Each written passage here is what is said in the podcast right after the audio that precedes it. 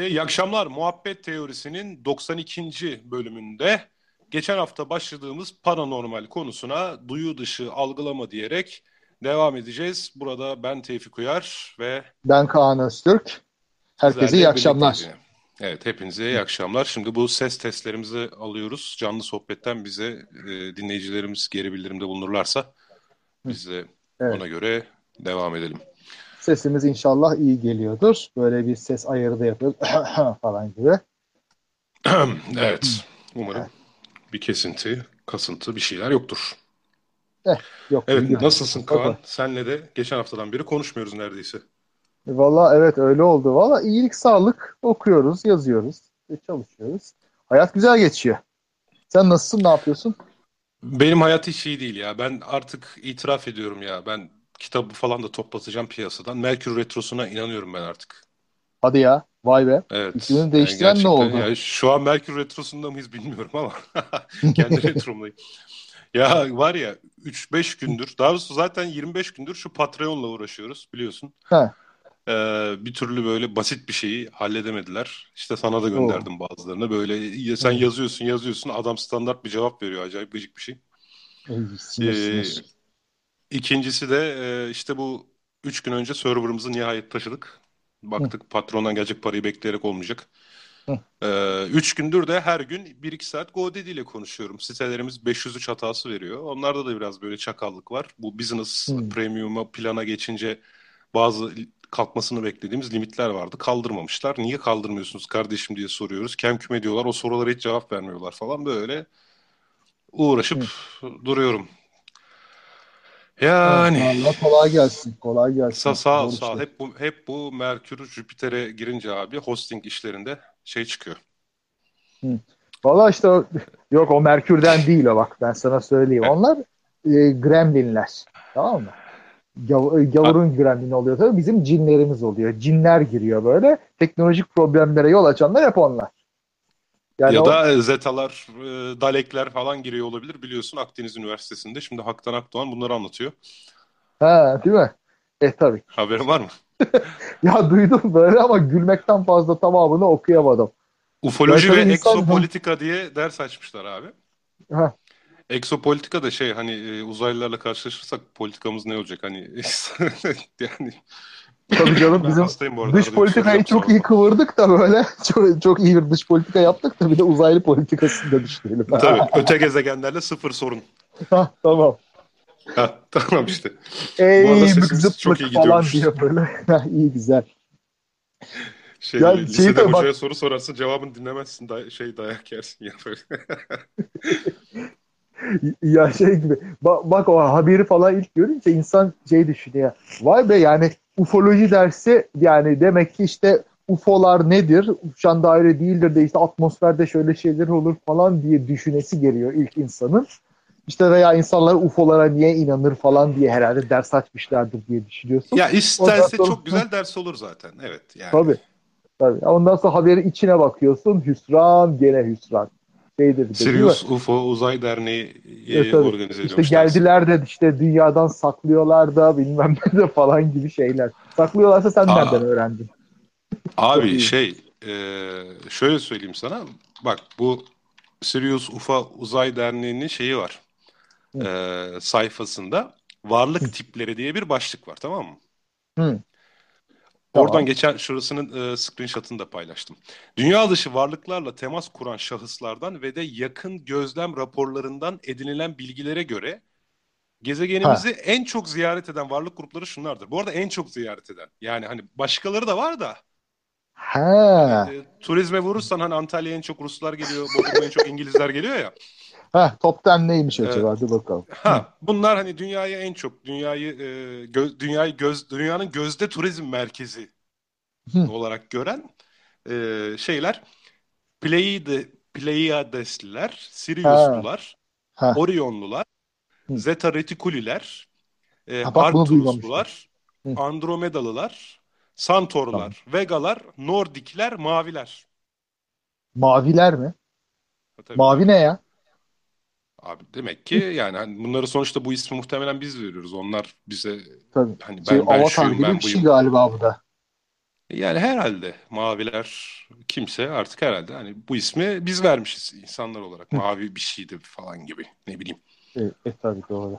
Tabii bir de il, Tabii. ilginci hep böyle bunlar gökyüzünde böyle çok bilinen seksi isimleri olan yıldızlar işte. Orion, Andromeda bilmem ne. Andromeda galaksi bu arada. Abi Ha. gidip de yani biz dünya olarak bir yeri ziyaret etsek kendimizi Samanyolular diye mi tanıtacağız ya? 500 Tabii. milyar yıldız var yani. Ne bileyim onlar belki bir milli birlik oluşturmuştur artık ya bilmiyorsun.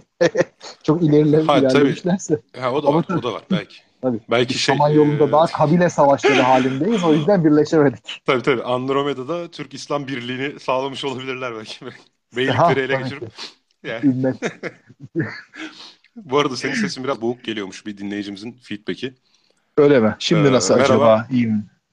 Başlık yanlış olmuş 92 demiş. 93 müyüz yoksa ya?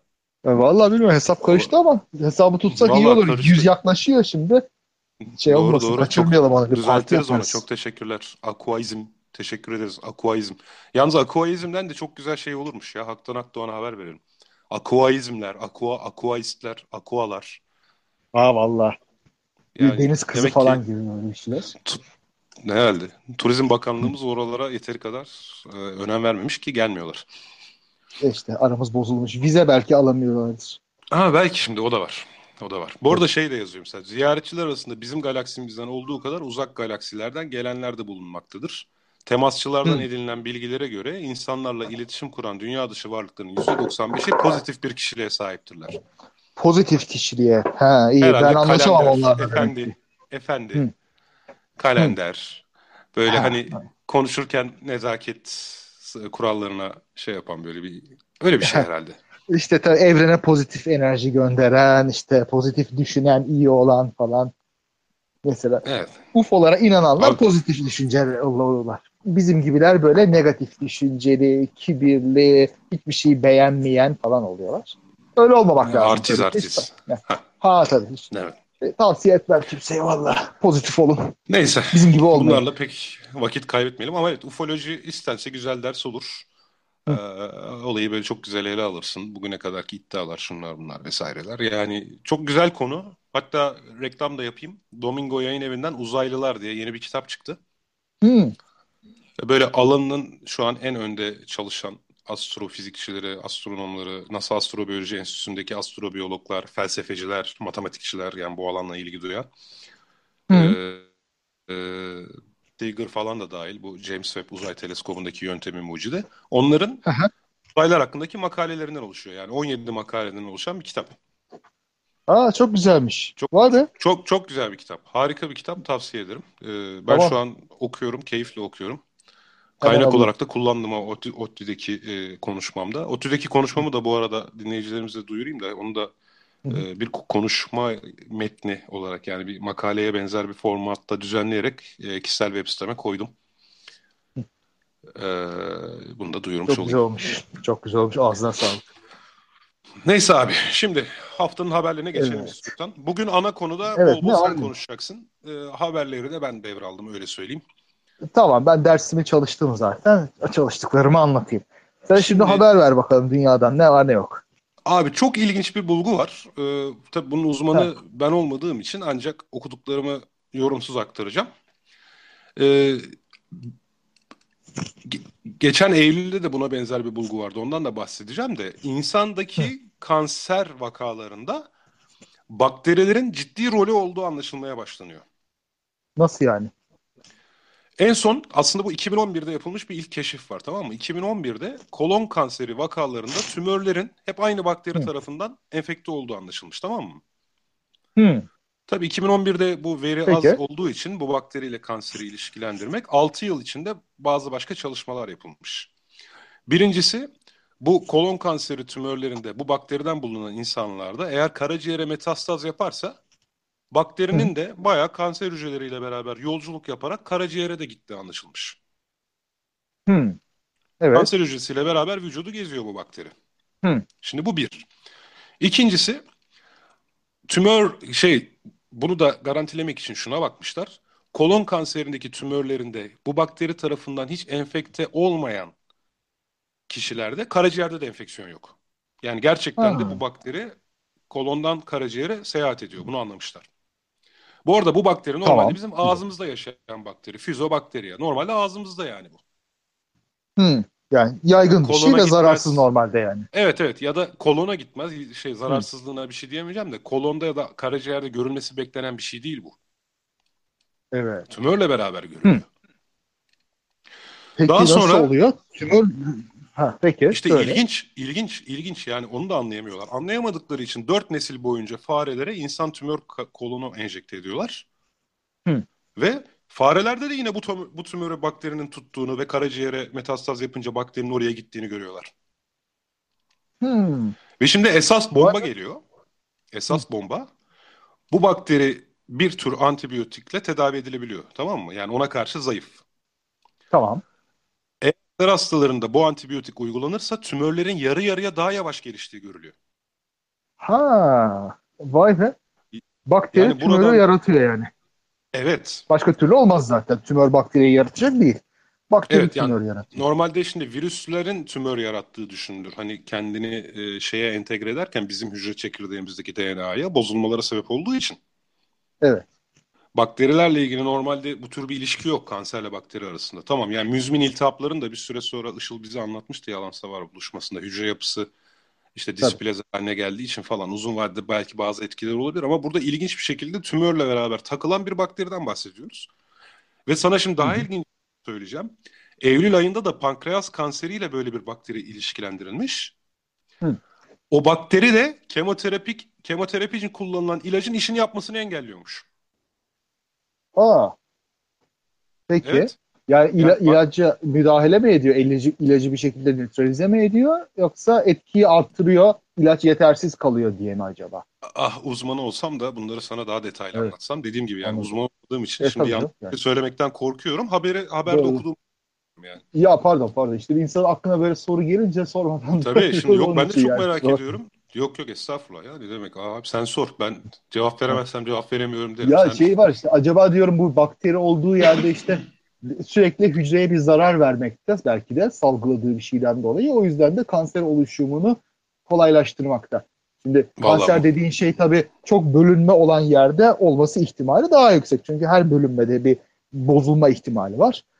Bir yerde çok yara oluyorsa mütemadiyen senin de dediğin gibi böyle bir müzmin iltihap olduğunda o zaman orada daha çok hücre bölünmesi olacak. E bir tanesinin böyle bozuk bir hücre olarak çıkma ihtimali de yükselecek o durumda. Belki öyle bir Evet. şeydir bilmiyorum. Cahilce konuşuyorum yani. Bakalım, yani evet, çıkar o ortaya da yakında. tahminen çıkar. Zaten şimdi bu muhtemelen bu alan birden acayip bir şey hani böyle çorap söküğü gibi gelecek. İnsanlar bu alana yönelecek falan. İlginç bir şekilde böyle antibiyotikle e, kanseri yavaşlatma ya da hani kanser tedavisi falan gibi şeylere hazır olun yorumunu anladım ben bunlardan.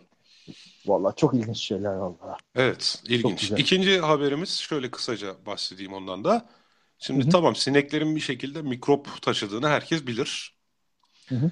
Şimdi bu defa kara sinek ve kurt sineklerine e, böyle galiba bir tavada eritip diyeyim yani hani bunları e, mole şeylerine ayırıp de, DNA tarama testiyle Hı. hangi mikropları taşıdığına bakılmış. Abi hazır Hı. ol. Araştırmanın sonucunda kara sineklerde 351, kurt sineklerinde ise Hı hı. 316 çeşit bakteri bulunmuş.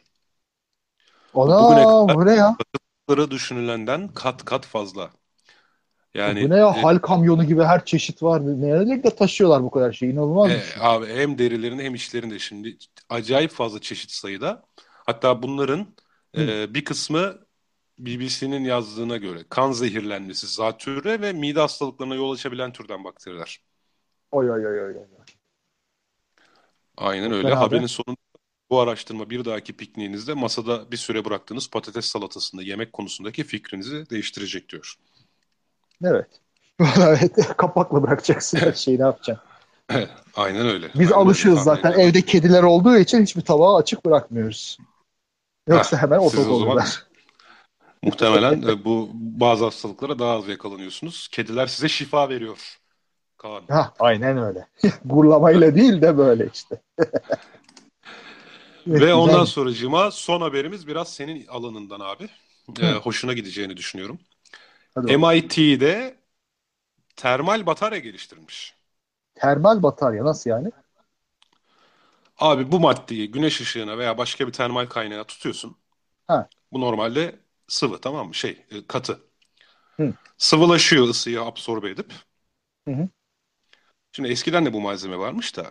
Fakat şimdiki özellik şu. Fakat sıvılaştığı zaman e, çok stabil olmadığı için hemen geri katılaşıp aldığı ısıyı geri etrafına veriyormuş. Ha. Şimdi bu bugüne kadar olan. Fakat MIT'de moleküler bir switch yani anahtar geliştirmeyi başarmışlar. Hı hı. Ve bu da ışıkla aktive oluyor. Mor ötesi ışıkla. Hı. Ee, daha doğrusu ışığın rengiyle, ona tutulan ışığın dalga boyuyla. Ve bunu istenirse katı halde tutabiliyorlar. Ve sen istediğin zaman ışığın rengini değiştirerek bunu sıvılaştırıyorsun. Hı. Yani bu maddeyi güneşe tutuyorsun abi. Bu madde güneşten enerjisini alıyor, emiyor, emiyor, emiyor, katılaşıyor. Hı hı. Bunu bu moleküler anahtar sayesinde yanında taşıyorsun. E, o Çok bir dışarı çıktın dışarısı çok mu soğuk? Hemen o moleküler anahtarı çalıştırıyorsun. Bu tekrar e, sıvıya dönüşerek ısıyı dışarıya yayıveriyor. Ha. ha. Çok ilginç. Yani bir ısı şeyi kapasitansı gibi böyle ısıyı Evet, depolayan yani normalde şey. bu madde zaten var. Buradaki yenilik şu, bu maddenin e, ka- kararlılığını kontrol edebilmekte. Anladım. Batarya deyince ben elektrik üreten bir şey zannetmiştim ama ısıyı alıp onu saklayıp sana tekrar vermeyi sağlıyor evet, batarya derken onu kastediyorum. Yani e, depo olarak kullanabilmek anlamında. Şunu da söyleyeyim, gramı 200 joule enerji e, tutabiliyor. Hı. Çok ciddi. Gramının Tamam, 200 doğru. enerji tutması. e, çünkü çevresinde 10 derecelik bir değişime neden olabiliyor. Bu çok güzel. Vallahi çok Aynen güzel. öyle. Bu böyle Aynen soğuk ortamda ya- çalışan ne bileyim doğa sporcularının falan hayatını kurtaracak bir şey olur. Evet. Bu arada şey, e, hatalı karıştırdıysam düzelteyim. Isıyı aldıktan sonra sıvıya dönüşüyor. Hı hı. Normalde ısı yokken Evet. hemen kendini tekrar bırakabiliyor. Ama burada işte mo- moleküler switch sayesinde bırakmaması sağlanmış. Çok güzel. Vallahi çok iyi bir şey. Bu arada Hadi bu linkleri sohbet penceremizde de bu linkleri paylaşayım. Evet. Valla tam böyle bizim işte üşümekten korkan milletimize göre hani Ağustos ayında bile mesela otobüs penceresi açtırmazlar ya ay yel girecek yel girecek diye. Al bu bataryayı böyle sar vücuduna istediğin her zaman böyle sıcak sıcak gez ne güzel. Evet, aynen öyle hocam. Bir haber daha vardı. Sadece başlık olarak bahsedeyim ondan da. Tamam. Ee, son bilimsel çalışmalara göre ilginç bir keşif yapılmış. Bizim dişlerimizin yapısı yani Hı. yapısını belirleyen gen balık pullarının e, genleriyle aynı ortak köken olduğu bulunmuş.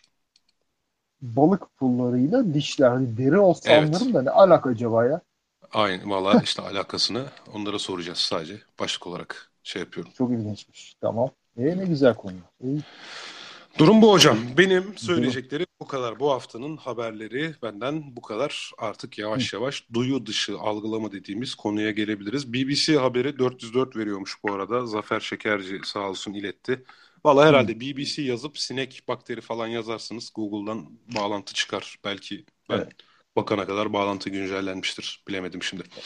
Tabii olabilir. Vallahi işte geçen hafta başladığımız konuydu biliyorsun. Duyu dışı algılama. Böyle Evet. psişik şeyler vesaireler.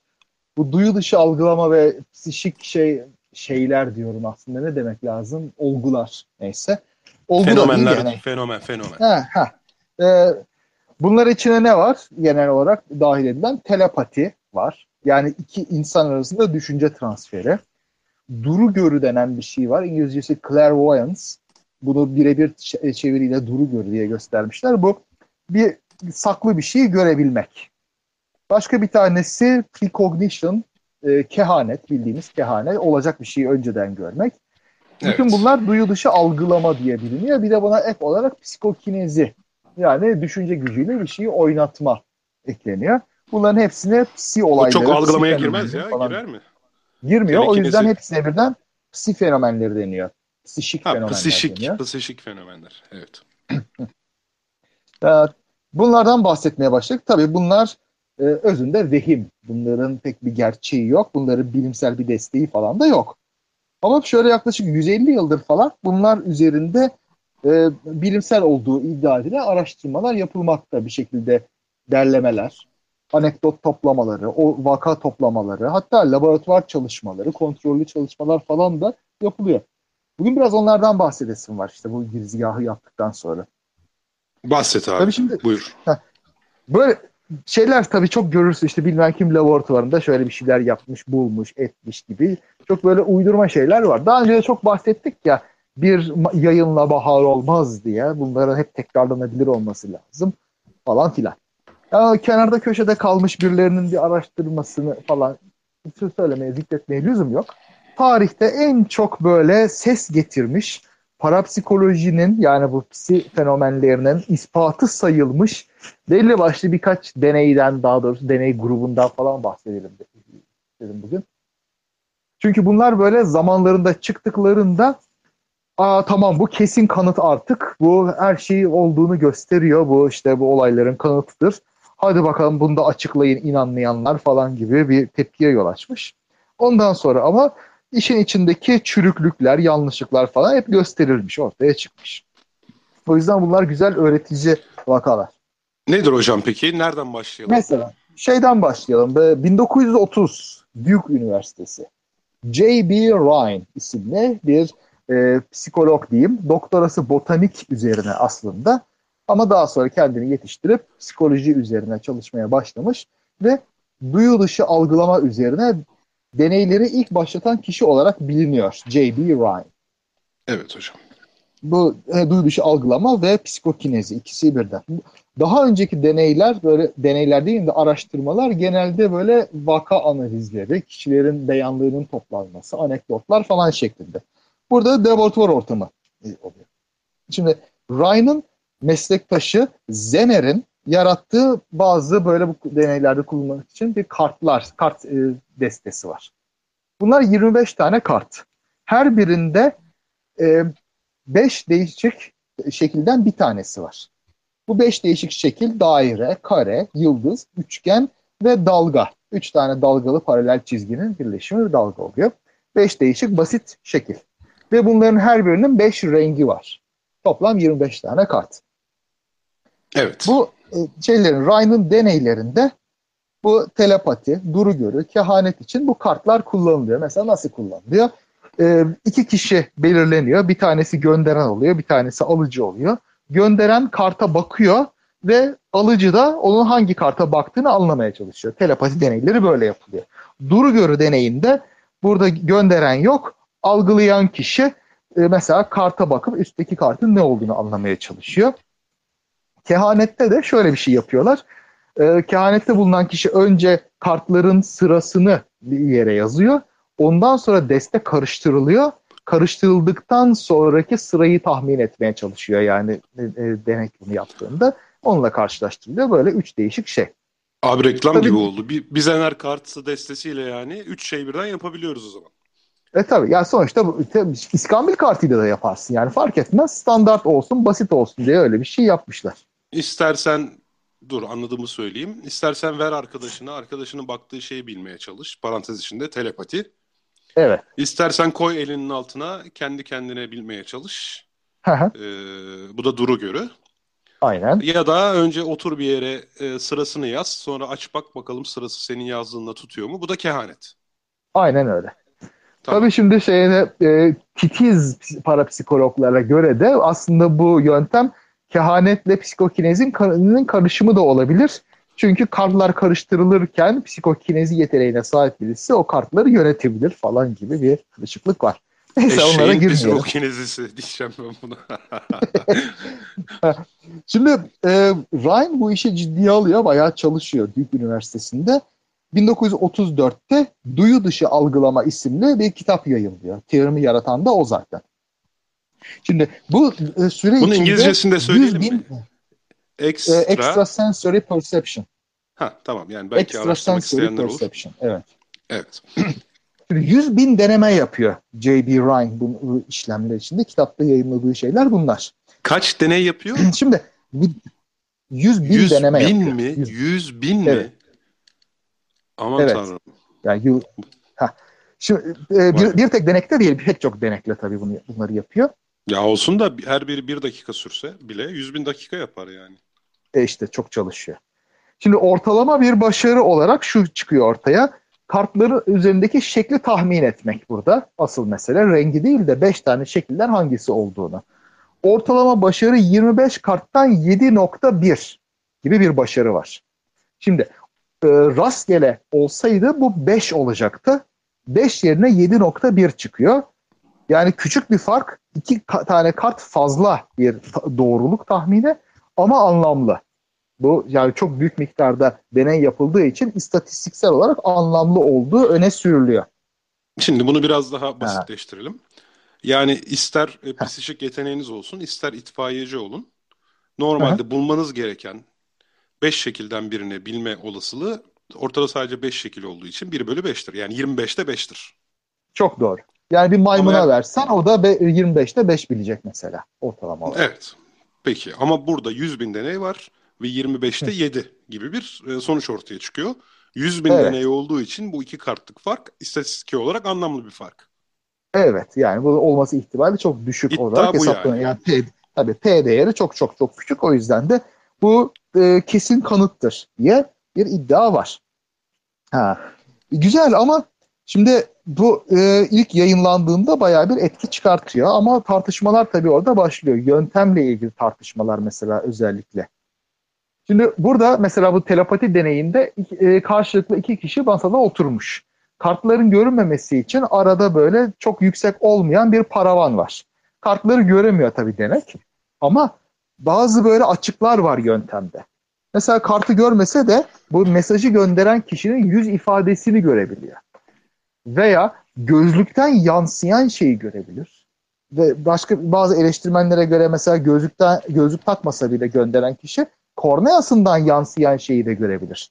Şimdi buradaki kartların üzerindeki biçimler çok basit olduğu için böyle korneadan yansıyan bir şeyi de çok dikkatli birinin yorumlaması mümkün. Yani en az %100 olmasa da işte bu 25'te e, 7.1 çıkaracak kadar bir başarı artımı böyle bir şey de mümkün. Evet, o yüzden e, şey de var mesela başka deneysel tasarım eksiklikleri içinde denekler bazen kartlara dokunabiliyorlar. Yani kendileri karıştırıyorlar bazen ondan sonra dokunma falan imkanı olabiliyor bazen. Bunu olmaması lazım. Çünkü Peki. bir illüzyonist becerisi varsa elinde bir el çabukluğuyla falan o zaman kartları görebilirsin veya istediğin sıraya getirebilirsin. Ya da karta yani, bir tırnakla çentik koyarsın. Ee, mesela. E, eline aldığım zaman. Mesela sen bana bunu yapsan. Heh. Diyelim e, işte daire var elinde. Ben dedim ki üçgen. Yok abi daire. Yok vallahi bir bakayım hadi inanmam derim. O sırada alırım çentik koyarım. Sen sıradaki sefere o daireyi seçtiğin zaman yine ben o çentiği Heh. nereye koyduğumu bildiğim için elinde daire var derim. Mesela. Tabii öyle şeyler de olabiliyor. Yani o açıdan olabiliyor. çok... Çocukken yapıyorduk yani. Şimdi bu işte e, böyle şeyler mesela var. Hatta bazı deneklerde falan çok yüksek başarı elde edilebildiği oluyor. Ama e, mesela biraz daha titiz davrandığında bu başarı ortadan kalkıyor. Şimdi şöyle bir mesela olay var. Lillian isimli bir çocukta, bir kız çocuğunda deney yapılıyor. 9 yaşında bir afacandı tamam mı? Bu evet. şeye bakıyor böyle e, pencereye falan bakıyor, kıs kıs gülüyor falan. Hadi bir daha deneyelim falan gibisinden bir şeyler. E, deneniyor. 25'te 25 biliyor kız bir pakette. 25'te 25. Uuu ah. harika falan. Ha. Ondan sonra işte birkaç kere daha bu tekrarlanıyor. Sonra deneyin asistanı e, aklına geliyor işte ne olur ne olmaz. Ben bu kartları zarflara koyayım ayrı ayrı. Her biri ayrı bir zarf içinde olsun diyor. Bunu yaptıktan sonra Lillian'ın başarısı 25'te 1'e iniyor. 1'e bak. Yani 25'te 25'ten 25'te 1'e. Peki abi sen hiç duymadın mı ama telepatik dalgalar e, zarf materyalinin içinden geçemez. Valla iyi açıklama. Şey, Ryan bunu nasıl açıklıyor? Negatif e, duyu dışı algılama var bunda diyor. Yani bu yine olağanüstü bir şey çünkü ortalama 5 olması lazım. Ortalamanın bu kadar altında olması da tesadüf olamaz. Demek ki bir negatif psi var bunda. Psi eksikliği ha. var burada. Yani yine bir olağanüstülük var diyor. Yani Niye olağanüstülük şey, olsun? Canım orada salınır sonuçta. Yani e işte anla, anlatamıyorum. İşte 5'in etrafında değil. salınır. Bazen 1 olur, bazen 9 olur. Sen sonuçta o yüzden 100 bin deney yapıyorsun. Ha işte. Ama işte anlatamıyorsun. Yani bir şeyi bulmaya odaklanınca bir de öncesinde başarılı olduğuna inanınca Ondan sonra bu işin tutmayacağını kabul edemiyorsun. Bu problemler işte burada. Bütün bir bu yatırım yapmışsın abi. Sen 100 bin tane e, adım denemişsin. Hesapladım. Her biri bir dakika sürse ki sürmemiştir. Heh. 1666 saat yapıyor. Daha fazla sürmüştür de. Sen bir şeye 1666 saat yatırım yaptıktan sonra böyle bir şey yokmuş abi diyemezsin yani. E, diyemiyorsun da zaten. Yani özellikle de işte böyle büyük başarılı birini bulduğun zaman aa işte bu şeydir, şöyledir, böyledir falan diyorsun. Etok Ki şey de var. Etok hipotezi. Daha da daha da önemlisi var. Şimdi mesela inanmayan birisi e, deney yapsın da veya biraz fazla tedbir alındığında etki ortadan kalkıyor. E, niye? işte efendim negatif enerji yayıyorlar ondan. Bunlar yani ona daha daha çok geleceğim de işte enteresanlık bu. Şimdi bu Ryan'ın olayı biraz böyle tartışmalı oldu. 1934'te yayınlandı bu tekrarlayayım yine. Biraz orada tartışmalar falan oldu. De, tabii devam ediyor. Ya şimdi tamam diyelim ki Ryan bunları yaptı. Hı. Diyelim ki her şey titiz olmasına rağmen 100 binlik deneyde 25'te 7 gibi bir şey elde etti. Evet. Yani bu şimdi gerçekten vay be burada bir şey var diyebileceğimiz bir şey. O halde evet. sonuçta bunu Ryan değil sen ben de oturup bir 5 bin 10 bin kişi de yapsak ya bir 5 bin 10 bin deney yapsak bunun tekrar Hı. edilebiliyor olması lazım o zaman mantık olarak. Aynen öyle. Peki Aynen olmuş öyle. mu? Öyle olmuş mu? Olmamış. Olmamış. Tabii ki olmamış. Yani daha başka sonradan da deneyler yapıldı bak. Daha titizi de yapıldı mesela Ryan'dan sonra. Mesela ona da gireyim istersen. Bize titizden bahset. İngiliz matematik Tamam. İngiliz matematikçi e, G.S. Soul S-O-A-L diye yazılıyor. O bu deneylere başlıyor. Asistanı Goldney ile beraber. 1935 yılında başlıyor bu deneyleri yapmaya. 1939'a kadar 4 yıl bu deneylere devam ediyor. Şimdi bunda Rhine'dan daha sıkı şartlar kullanılıyor. Mesela işte e, de, e, mesajı gönderenle mesajı alan arasında işte kartla e, bildiren ayrı birisi var. Bir çift körlük var. Şöyle, e, bilimci yani araştırmacının kendisi bir pencereden 1 ile 5 arasında bir sayı gösteriyor. Ondan sonra mesajı gönderecek kişi önünde rastgele olarak belirlenmiş bir listeden 1'e karşılık gelen resim nedir diye bakıyor. Ondan sonra o resmi düşünüyor. Ve karşıdaki kişi de o resmin ne olduğunu tahmin etmeye çalışıyor. Yani bir anlamda böyle bir körleştirilmiş, bir çift kör yapılmış bir deney gibi bir şey oluyor. Yani kartları adamın eline vermiyorsun. Aynen öyle vermiyorsun. Bayağı daha sıkı şartlarla bu şekilde yapılmış. 160 denek ve 128 bin e, deney yapılıyor bunda. Oy oy oy oy oy. Ötekinden de fazla. Evet. Ee, bu sıkı şartlar altında ne çıkıyor? 5. Telepatiyle ilgili hiçbir delil çıkmadığı ortaya çıkıyor. Yani hiçbir yani. böyle telepati izi çıkmıyor burada. Yani. Aa işte şimdi bu tabii böyle güzel, iyi hazırlanmış bir deney olduğu için parapsikologlar buna bayağı bir e, umut besleyerek yaklaşmışlar. Böyle bir şey çıkınca umutlar kırılıyor. Çok üzülüyorlar. Hı. Şimdi bunun üzerine... Bir kod bulmuşlardır. Heh, çok güzel. Soğla birisi geliyor ve bir tavsiyede bulunuyor. Ya diyor ki sen şimdi burada şeye baktın. O aynı sayıya onun verdiği işte resim karşılığına baktın. Ona bakma da bir önce gelen neymiş, bir sonra gelen neymiş onlara bir bak diyor. Belki bu derekte bir kehanet yeteneği var. Belki işte geri gelen önceden veya geciken bir şey var. Bakalım belki ön, bir sonrakini biliyordur. Bir zaman gecikmesi vardır veya zaman öncelemesi, ötelemesi vardır diyor. Soul önce buna bir direniyor. Ya olur mu öyle şey diyor. Yani bunun oynanmaz o kadar. Ama yine de bir bakıyor. Gerçekten de bu deneklerden iki tanesinde 160 demiştik ya iki tanesinde e, önceden böyle bilme e, şeyin miktarının daha fazla olduğunu görüyor. Bazı hmm. kartları önceden bilmiş. Yani gelecek olanları bilmişler ama çıka çıka iki tane çıkıyor onlardan. Ha, şimdi tabii ki şimdi böyle bir durumda eski veriyi kullanamazsın yeniden yapman lazım ve Soğul'u takdir etmek lazım. Burada yeni veri alıyor. Bu, bu denekleri alıp onlarla yeni deneyler yapıyor. Onlar üzerinde deneyler yapıyor. 1941-1943 arasında 400 oturum yapıyor bu iki denekle. 11 bin tahmin yaptırıyor her birine. Evet. Ve anlamlı başarılar çıkıyor bir sonraki kartı tahminde. Oh. Verilen kartı değil bir sonraki ta- e, kartı tahminde. Evet. Güzel. Bu işte ondan sonra o diyorlar. Bu kesin kanıt artık. Yani şüphe edenlerin hepsine bu Soul'un çalışmasını gösterebilirsin. İspatlandı kardeşim diyor. 20 yıl boyunca şüphecilerin buna pek söyleyeceği bir şey olmuyor. Bak ilginç. Ta ki biraz daha dikkatli bakılana kadar. Ha. Şimdi bu mesajları gönderen deneklerden, yani gönderici deneklerden bir tanesi Soğal'ı e, verileri tahrif ederken yakalıyor odasında. Ve onun asistanına bu durumu bildiriyor. Asistan işte Nasıl? onunla yüz ha ya asistan onunla yüzleşince Saul bunu e, şiddetle reddediyor. Yok öyle bir şey yapmadım falan filan gibi. Biraz örtbas ediliyor olay. Ama ondan Sol sonra Dark yine- geçmiş yani bir ara. Ha, ha evet değil mi? Çok ilginç. Allah Ee, ondan sonra böyle biraz iş ayyuka çıkıyor yine. Biraz böyle ortalık bulanmaya başlıyor. En sonunda biraz işte açıklamalar yapılmaya başlanıyor. Tekrardan o e, şöyle o tekrardan o görgü tanığıyla konuşuluyor. Ve diyor ki ben şunu gördüm. Birleri dörde ve beşe çevirdiğini gördüm diyor. Hani birden beşe kadar sayı gösteriliyordu pencereden de ona karşılık Evet. gelen resimler tahmin ediliyordu ya. Birileri 4-5'e Evet. çeviriyormuş. Bunun sonucu ne? Şu hepsinde yapmıyor tabii. Hedef e, 4 ve 5 iken başarıların arttığı görülüyor daha sonra verilere bakıldığında. Ve Ha bir tahmin- dakika asistanın asistanın söylediği şey de yani verilere bakınca anlaşılabiliyor, ispatlanabiliyor o zaman. Evet yani ba- bakılmış Şimdi- işte bu, bunun sonucu özellikle tahrif edilen şeyler biraz 4 ile 5 e, asıl hedef oyken onu 1'i 4-5 yapmış.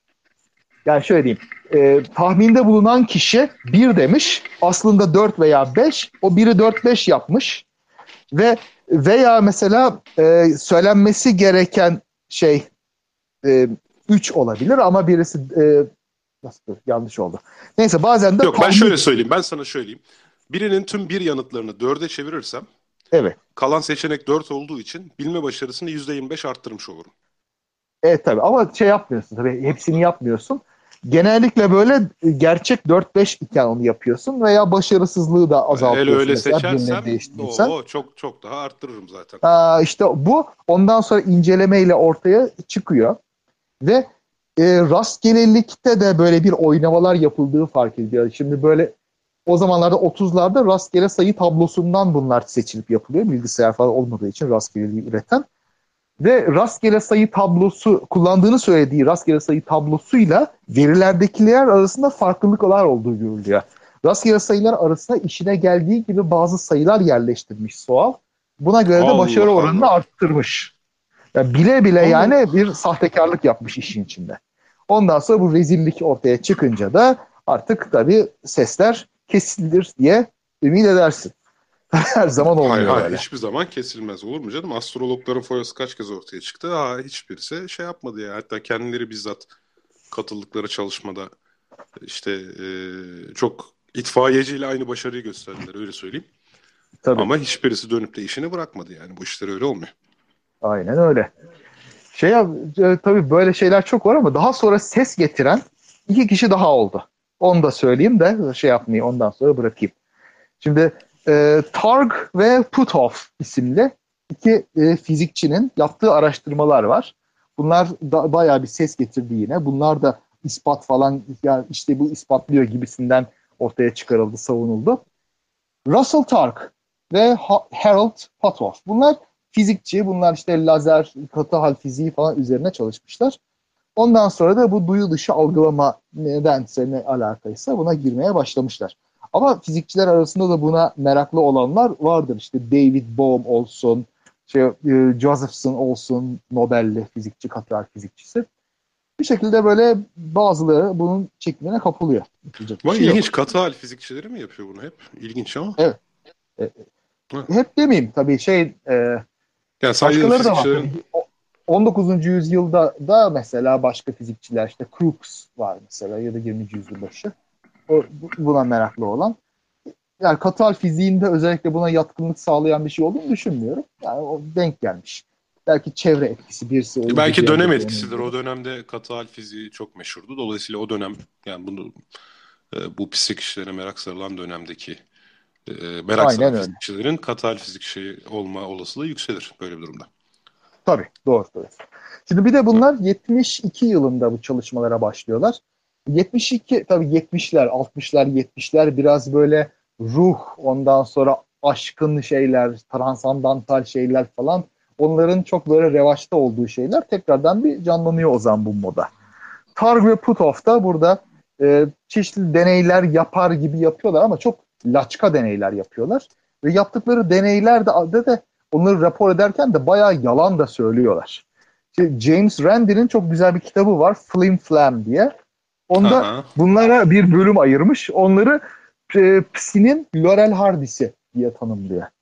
Tam böyle bir komedi yaptıkları için. Evet. Mesela böyle bir denekte manyetik alanı işte e, zihin gücüyle değiştirme falan gibi bir şeyler olduğunu söylüyorlar. İşte e, tabii hiçbir numara yok. Manyetik alanı bir anda bir magnetogramla takip ediyorlar. İşte ben şimdi şunu arttırdım, sen şimdi şunu azalttın değil mi falan diyorlar. İşte mesela manyetik alan şöyle bir duruyor. Ha sen şimdi durdun değil mi falan gibi laflarla yönlendirmeler yapıyorlar. Saçma saçma şeyler. Onları e, şahitlik eden başka fizikçiler zaten bunları ciddiye almıyor. Ama onlar mesela pek ses onların isimleri pek zikredilmiyor. Onlara pek söz hakkı verilmiyor bunlar meşhur olduklarında. James Randi onlarla ayrı ayrı konuşup bu durumu bir rapor etmiş. Bunlar e, mesela bir uzaktan algılama deneyleri yapıyorlar. Bu uzaktan algılama deneylerinde mesela e, bir denek laboratuvarda duruyor. Başkaları mesela gidiyorlar şehrin değişik yerlerine. Orada bir mesaj göndermeye çalışıyorlar. Laboratuvardaki denek de işte bu bir tarif ediyor ne olduğunu. Bana böyle bir görüntü geliyor. İşte şurada ağaçlar var, şurada bilmem neler var gibi sözlü tarif etmesini istiyor. Ondan sonra bunlar kaydediliyor filan. Ondan sonra bu kayıtlar e, şeylere, hakemlere gönderiliyor. Böyle değerlendirsin diye ayrı üçüncü kişilere. Ondan sonra da işte aa gerçekten bildi gibisinden bir takım sonuçlar çıkartılıyor ortaya. Ama bu yönteme de dikkatli baktığında laçkalıklarla dolu. Bir kere ilk üç hakemin e, sonuçlarını beğenmemiş e, Targ ve Puthoff.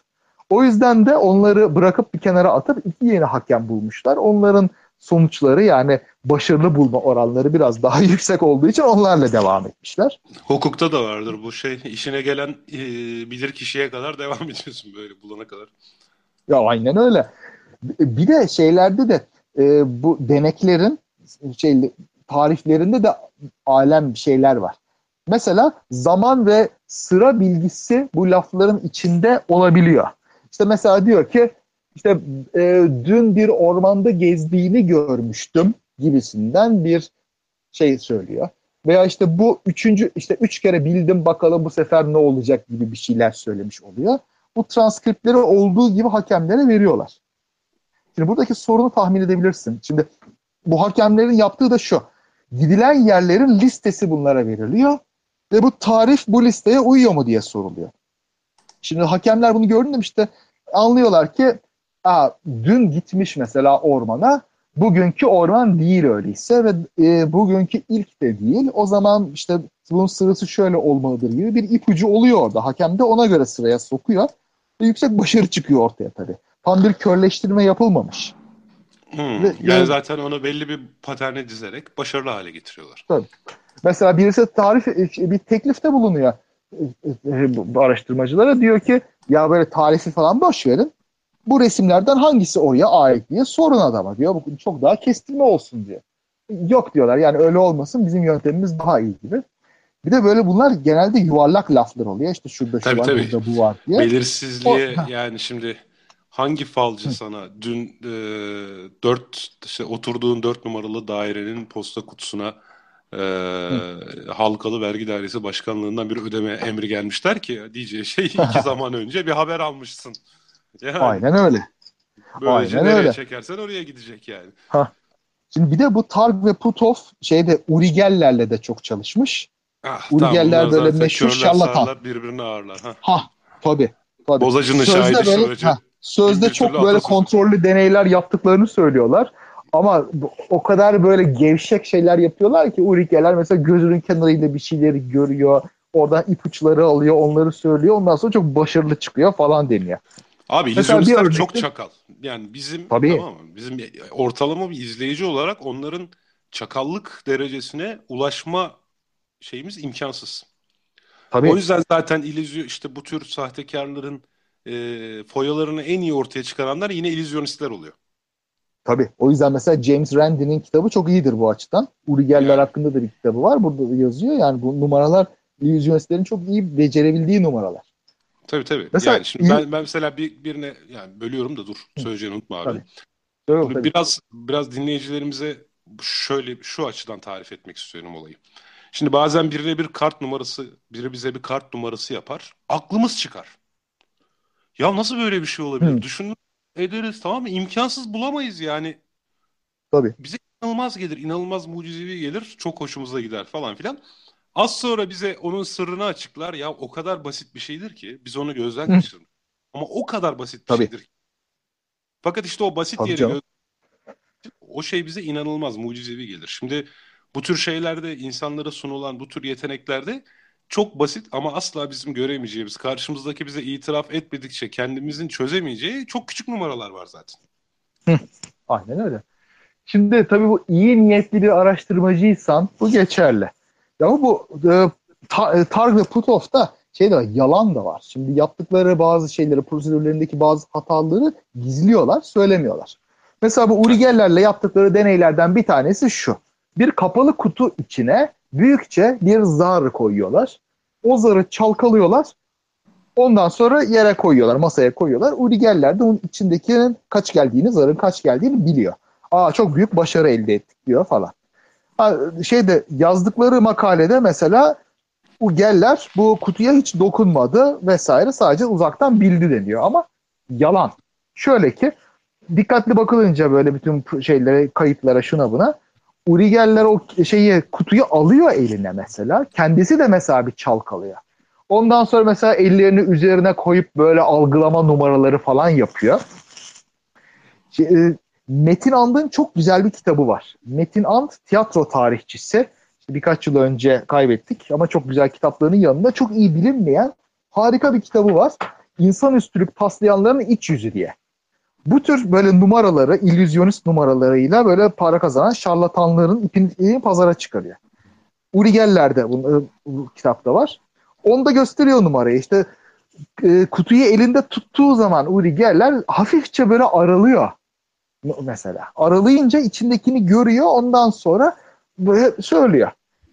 E şimdi şey deneyici de çok dikkatli değil mesela. Böyle e, mi- miyop mesela bu e, Puthoff çok iyi göremiyor. Mesela kalkıyor bir su içmeye kalkıyor falan. Bırakıyor şeyi zarı orada. E, böyle şeyler gevşek şeyler. Ve çok daha sıkı tedbir alanlarla çalıştığında başarı oranı çok düşüyor.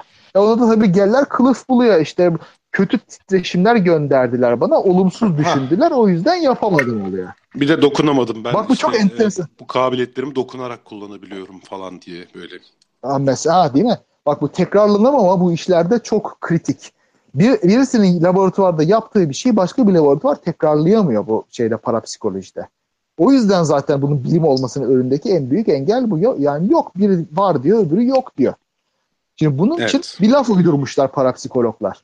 Koyun keçi etkisi diyorlar buna. Hadi Koyun buyur. böyle heh, olumlu Koyunun düşünerek olmadığı yerde keçiye Abdurrahman Çelebi derler mi diyor yoksa? Valla şey keçi biz oluyoruz. İnanmayanlar, inanmayarak bakanlar.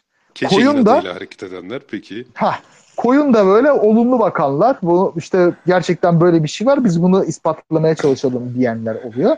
Yani koyun lafını kendi kendilerine söylüyorlar. Biz söylemiyoruz yani. Türkiye'de olsa hakaret sayılır diyecektim ben de. Valla işte İngilizce'de de hakaret ya neyse.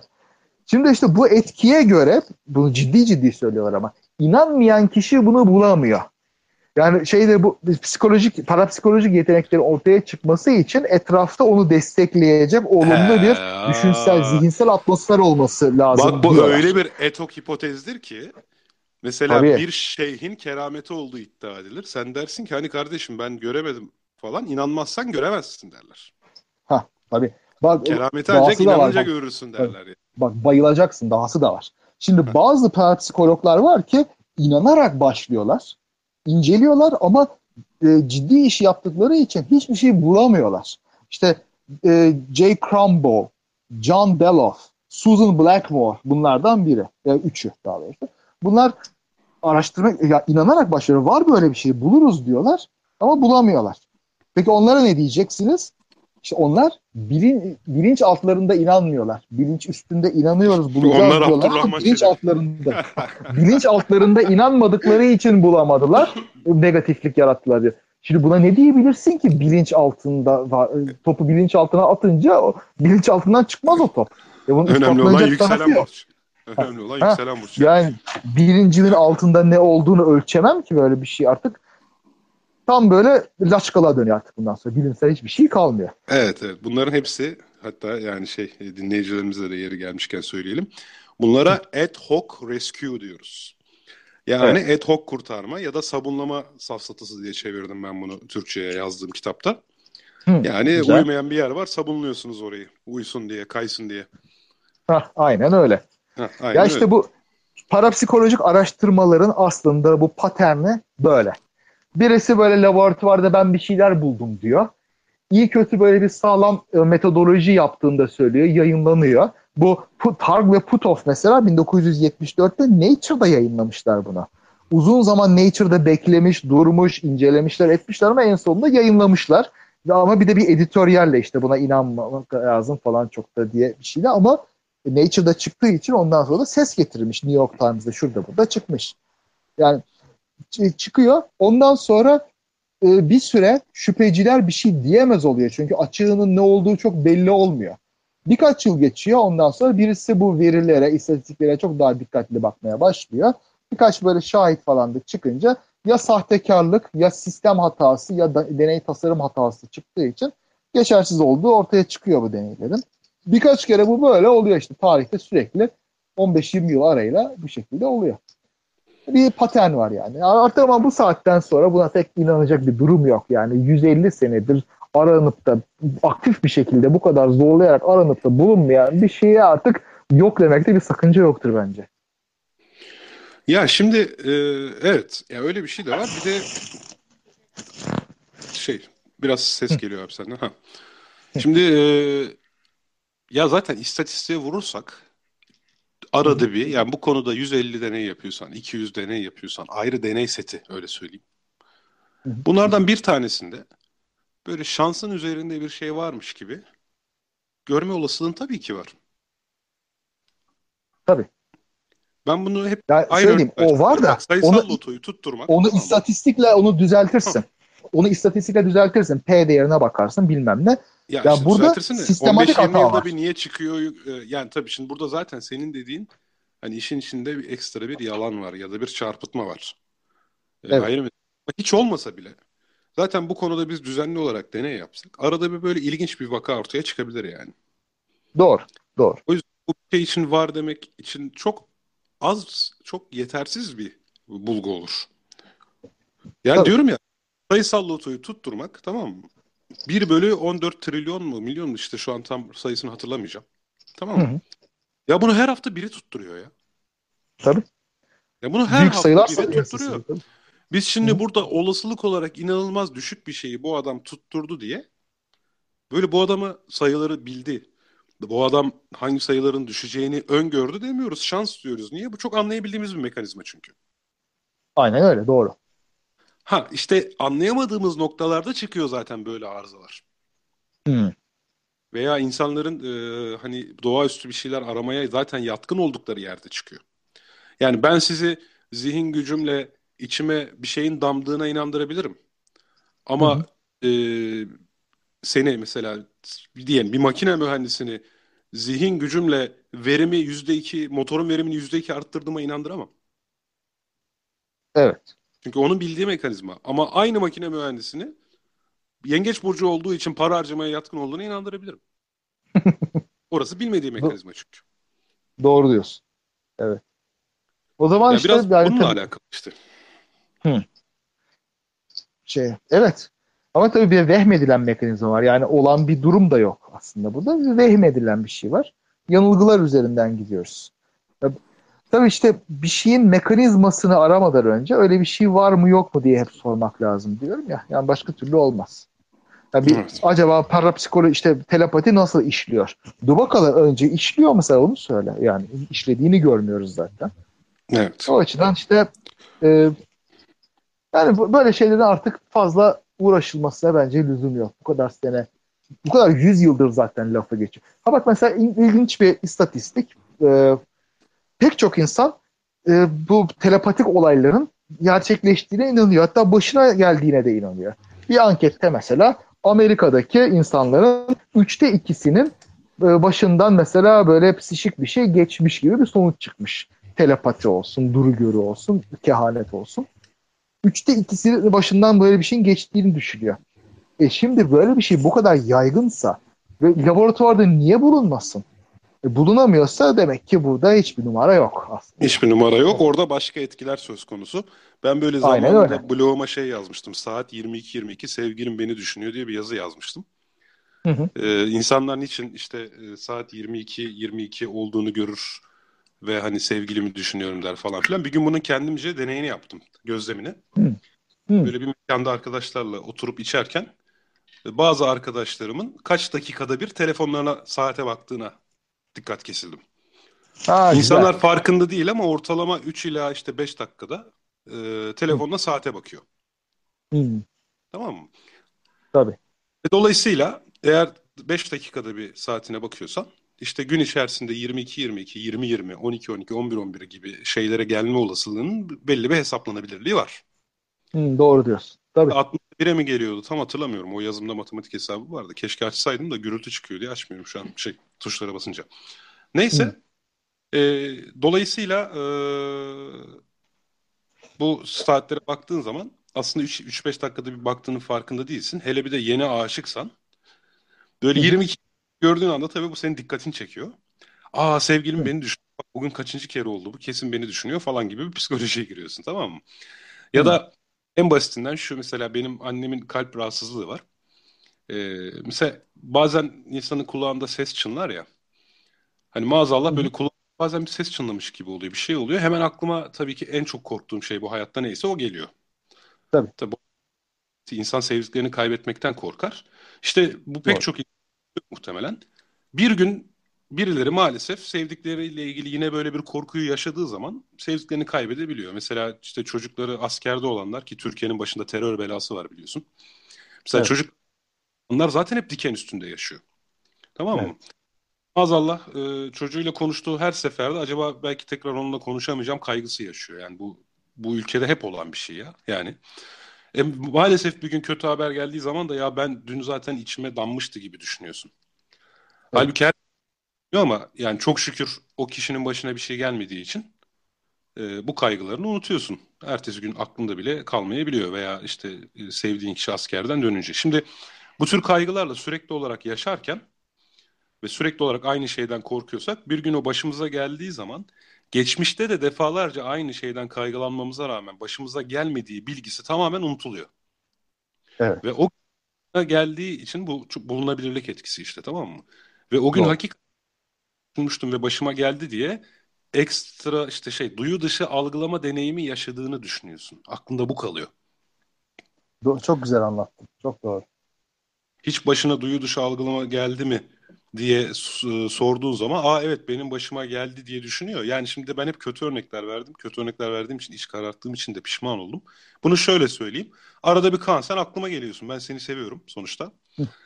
O gün e, tabii sen aklıma 20 kere geliyorsan bunun bir tanesinde sen bana mesaj atmış ya da aramış oluyorsun. Hı, tabii. Ya haliyle ben aa zaten ben Kaan'ı düşünmüştüm. Bugün bak o da daha düşündüğüm dakika aradı beni. Aramızda telepatik Hı. bir olduğu gibi düşünme eğiliminde oluyorsun. Hı hı. Eğer Tabii. Bu arada bir dinleyicimiz deneyiminiz şeyi anlayamazsınız. Deneyimleyenler de susuyor zaten. Deli muamelesi göreceğini biliyor çünkü demiş. Ee, hiç sanmıyorum.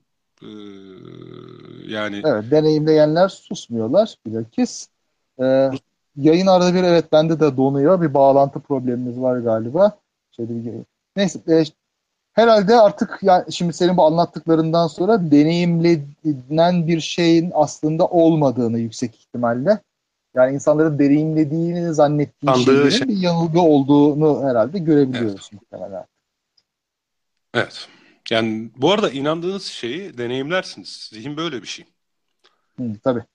Çocukken yatağın altında bir canavar olduğunu ya da evin içinde gece ruhani varlıkların dolaştığına inanıyorsanız saat 4-4.30 gibi alacakaranlıkta uyandığınızda özellikle böyle sersem bir gözle kapıya baktığınız zaman gölgeleri hareket ediyormuş gibi algılarsınız. Niye yetişkin olduğunuzda bunu böyle algılamazsınız. Çünkü böyle bir korkunuz artık yoktur. Evet. Biraz da bununla ilgili. Aynen öyle. Bir donma varmış yayında. Saat 10 oldu diye galiba bize bitirelim diye e, psişik mesajlar Evren bize mesaj gönderiyor. Tamam o Evet. zaman fazla şey Evet. yapmayalım. Evet, o Güzel zaman bu akşam. e, şimdi şöyle bir duyurumuz var. Normalde biliyorsunuz bir her, biz her ayın ilk pazarında yapıyorduk yalan savar e, buluşmalarını ve muhabbet teorisi canlı gösterilerini. Bu Aralık ayında ayın 10'unda yapacağız. Yani ikinci pazarında yapacağız. Bunu da yeri gelmişken buradan duyuralım. E, 3 Aralık pazar günü de çünkü benim Boğaziçi Üniversitesi'ndeki bir etkinlikte konferansım olacak zaten. Ben de orada olacağım. E, Kaan da gelecektir diye tahmin ediyorum. Kaan değil mi? Canlı yayına söz alayım senden. Vallahi gelmek isterdim de kontenjan dolmuş. O yüzden geç kaldığım için gelemiyorum. Arka Sen Boğaziçi'nde hocasın ya. Sen Boğaziçi'nde hocasın. Sen gelirsin ya. Öyleydim değil mi? Doğru galiba. İyi tamam o zaman. Gel protokole otur abi. Tamam öyle yapayım. Okey tamam. Tamamdır. Güzel, çok güzel, teşekkür görüşürüz. ediyoruz dinleyicilerimize yaptıkları katkılar için. Ee, sizleri de çok seviyoruz. Ee, bu hafta maalesef hiç Patreon duyurusu yapamıyoruz. Yeni bağışçımız yok. Ee, artık haftaya kısmetse. Evet inşallah. Evet çok teşekkürler dinlediğiniz için. Haftaya görüşmek üzere. Görüşmek üzere. İyi akşamlar.